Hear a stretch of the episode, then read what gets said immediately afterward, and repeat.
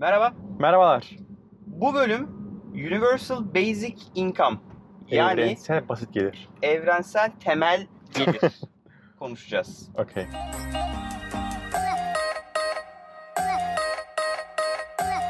Ee, aslında bu konunun tekrar gündeme gelmesinin bir sebebi şu anki Amerika başkan aday adaylarından Hı hı. birinin bu konuyu oldukça gündeme taşımış olması Amerika'da.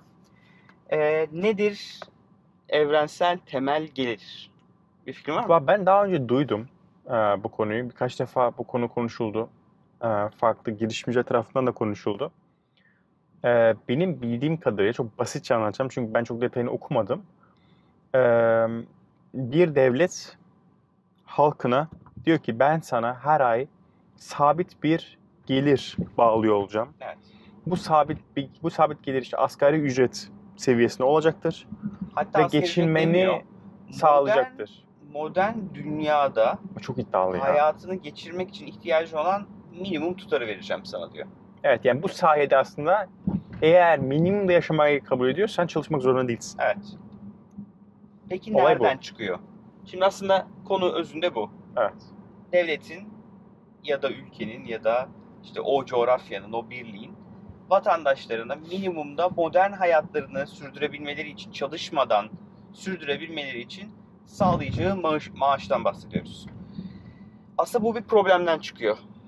Gittikçe modern dünyada özellikle otomasyonların gelişmesi, yapay zeka, Evet. birçok meslek yavaş yavaş ortadan kalkacak. Doğru. Bunu artık ayyuka çıkmış durumda.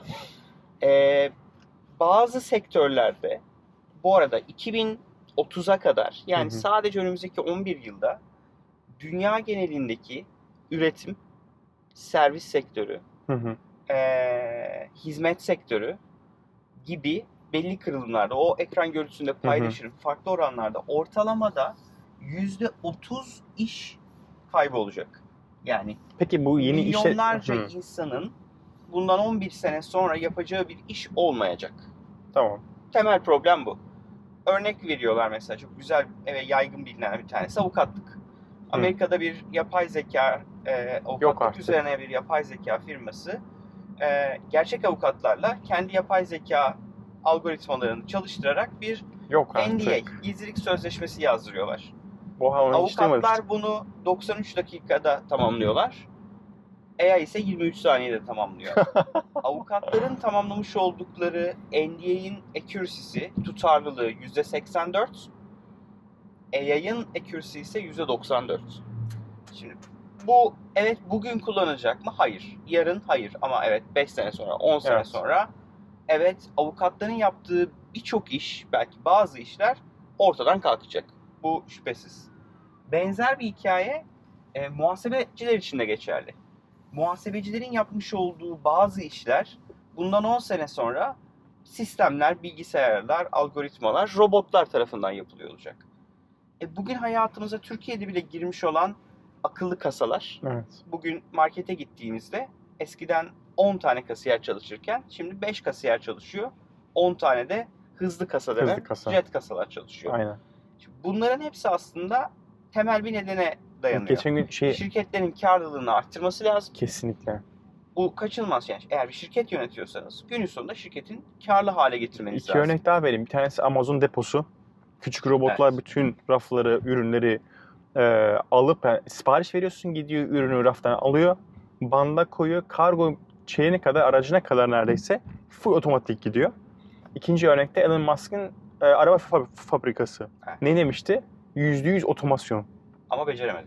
E, beceremedi. beceremedi, ama on Aynen öyle. sonra becerecek. Aynen öyle. Yine destekleyici son bir örnek verelim sonra konuya dönelim.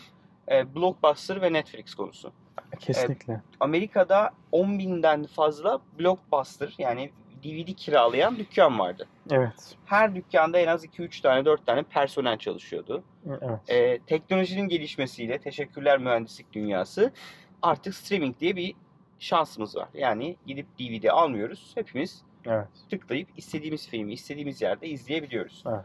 Bunları alt alta koyduğumuzda doğal olarak e, iş işçilikle ilgili çok ciddi bir saving sağlıyor bu şirketler. Kesinlikle. Birçok işi robotlara yaptırıyor, sistemlere yaptırıyor. Doğal olarak da on binlerce, milyonlarca bu işi yapabilecek görece daha düşük eğitimli, görece daha az e, zeka kullanmasına ihtiyaç olan, beceri kullanmasına ihtiyaç olan birçok iş ortadan kalkacak. Amerika'da 10 yıl içerisinde perakendecilik sektöründe çalışan çalış e, sayısı %30 azalacakmış. Ki Amerika'daki en büyük iş, işçilik, personel e, kullanılan alan perakende. Hadi canım. Dünyanın en büyük şirketten birisi Walmart o yüzden zaten. Evet. Neden? Çünkü birçok insanın yapması gereken iş var. Ama doğal olarak Walmart tabii ki her geçen gün nasıl kostlarımı aşağı indiririm, nereden tasarruf ederim diye deli deli uğraşıyor. Evet. E bunların etkisi doğal olarak bazı işleri yapan sistemler, makineler, robotlar, yazılımların hayata girmesi. Peki e ne olacak bu insanlar? Evde oturacaklar. Şimdi iki tip insan var. Bir, iş bulamadığı için evde oturacak insanlar. Evet. İki, iş bulmak istemediği için Evde evde, oturacak oturacak insanlar. insanlar. Bazı insanlar evde oturmayı tercih edecekler. Ki bugün de var.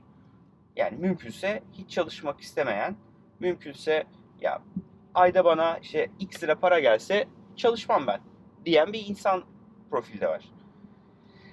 Ee, bu düzenleme e, UBI dedikleri yani Universal Basic Income dedikleri sistemde aslında bu kitleye hedef alıyor. Diyor ki devlet olarak ben e, bu arada Amerika'daki başkan adayının önerdiği tutar e, 1000 dolar. Hı hı. Her ay 1000 dolar bir Universal Basic Income ödemesi yapalım diyor. Çok iddialı. Çok iddialı. E bu bu arada Norveç'te ben oylandı diye biliyorum. Ve reddedildi Evet, halk tarafından. e, Finlandiya ya da, Norveç. Bir Norveç Finlandiya veya Norveç aynen. e, bu oylandı ve reddedildi. Yani Referanduma gidildi diye biliyorum. referanduma gidildi. Ve reddedildi. Ama bu bir bu bir işaret yani. Önümüzdeki dönemde bunu daha çok gündeme gelecek. daha Fakat çok gündeme gelecek ve bu bir ihtiyaç yer bunda kabul etmemiz lazım. Evet. Bugün insanların belki değil ama ileride bir gün evet bu ihtiyaç haline gelecek. Fakat çok böyle tartışmaya açık olan bir konu. çok Mesela fazla- geçen gün şey bir adam dinledim. Ee, Amerikalı bir girişimci, yatırımcı ve hani çok bilgili bir e, kişi. Çok güzel e, konulara değindi. Joe Rogan podcastinde. E, bu tabii ki bir konu da buydu. Universal Basic Income dedi. Dedi ki mümkün değil de tutmaz. Çünkü dedi devlet iflasa sürükler dedi. En basit örneği vereyim dedi. Bugün diyor Amerikan adayı diyor ki 1000 dolara vereceğim diyor. Trump çıkıp, Trump, çıkıp diyecek ki ben 1100 dolara veriyorum diyecek. Şimdi halk kime oy verecek? Tabii ki 1100 dolara o verene oy veriyor olacak. Ya en basit bu örnekten bile yola çıkarsak oy toplama yani oy toplama kampanyasında e, mutlaka ve mutlaka bu rakamlar konuşulacağı için halk bırak kimi daha çok seveceği ve kimi daha çok desteklediğini kim daha çok para vereceğine odaklanıyor olacak. Doğru. Ve bu da doğal olarak ülke bildiğin diyor iflasa sürükleyeceği için en basitinden buradan diyor bütün bu UBI sistemi diyor çöküyor Çalışmaz. diyor. Yo, doğru haklı. Ya bir- bunun gibi böyle farklı farklı şeyler var tartışılan. Şimdi belki bunu yine işte geçen gün konuştuğumuz blockchain konsorsiyumu var değil Libra'nın. Hakikaten bağımsız bir konsorsiyumun Evet. bağır, bağımsız Bir şeye şekilde göre belli metriklerle, belli otomatik gerçekten evet otomatik Aynen belirlenmesi öyle. Ve bunun bir politika aracı, oy aracı, Olmaması rant lazım. aracına dönüşmemesi lazım. Kesinlikle. Bunu yakın coğrafyamızda görüyoruz. Politikacılar onu vereceğim, bunu atacağım, Evet. bunu tutacağım oy için söylenmedik vaatler kalmıyor. Şimdi peki diğer soru da şu. Tamam verelim.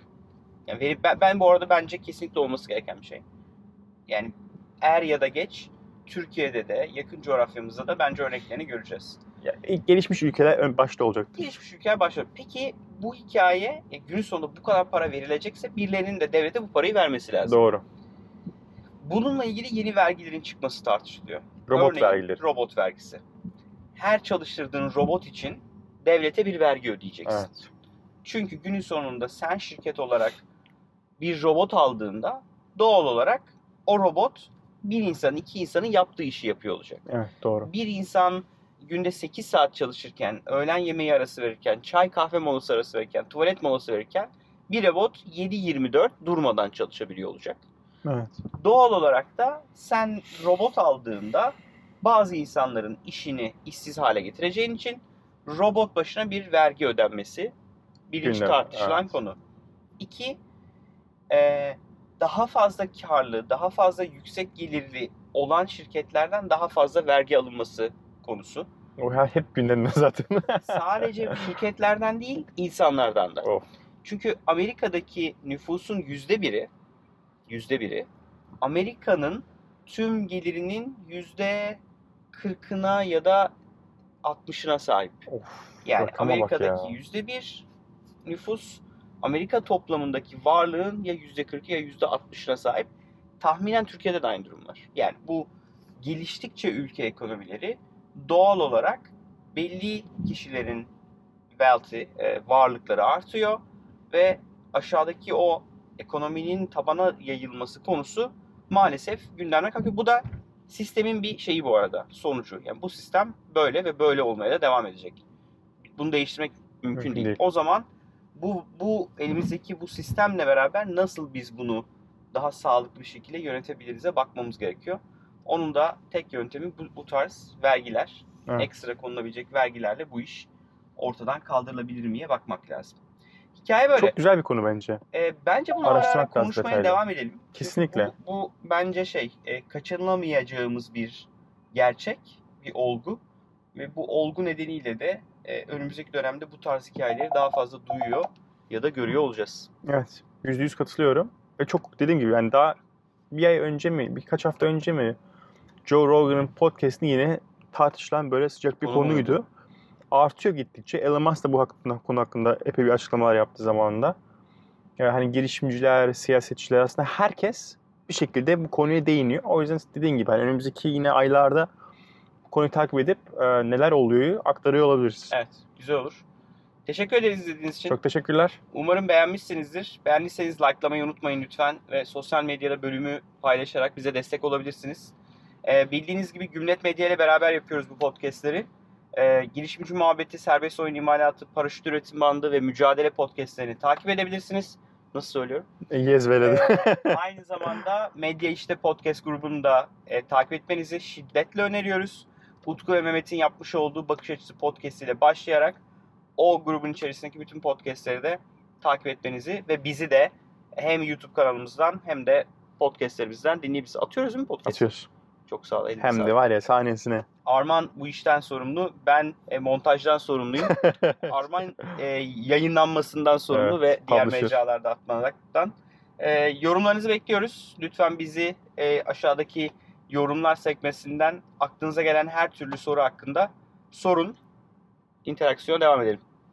Görüşmek üzere. Görüşmek üzere.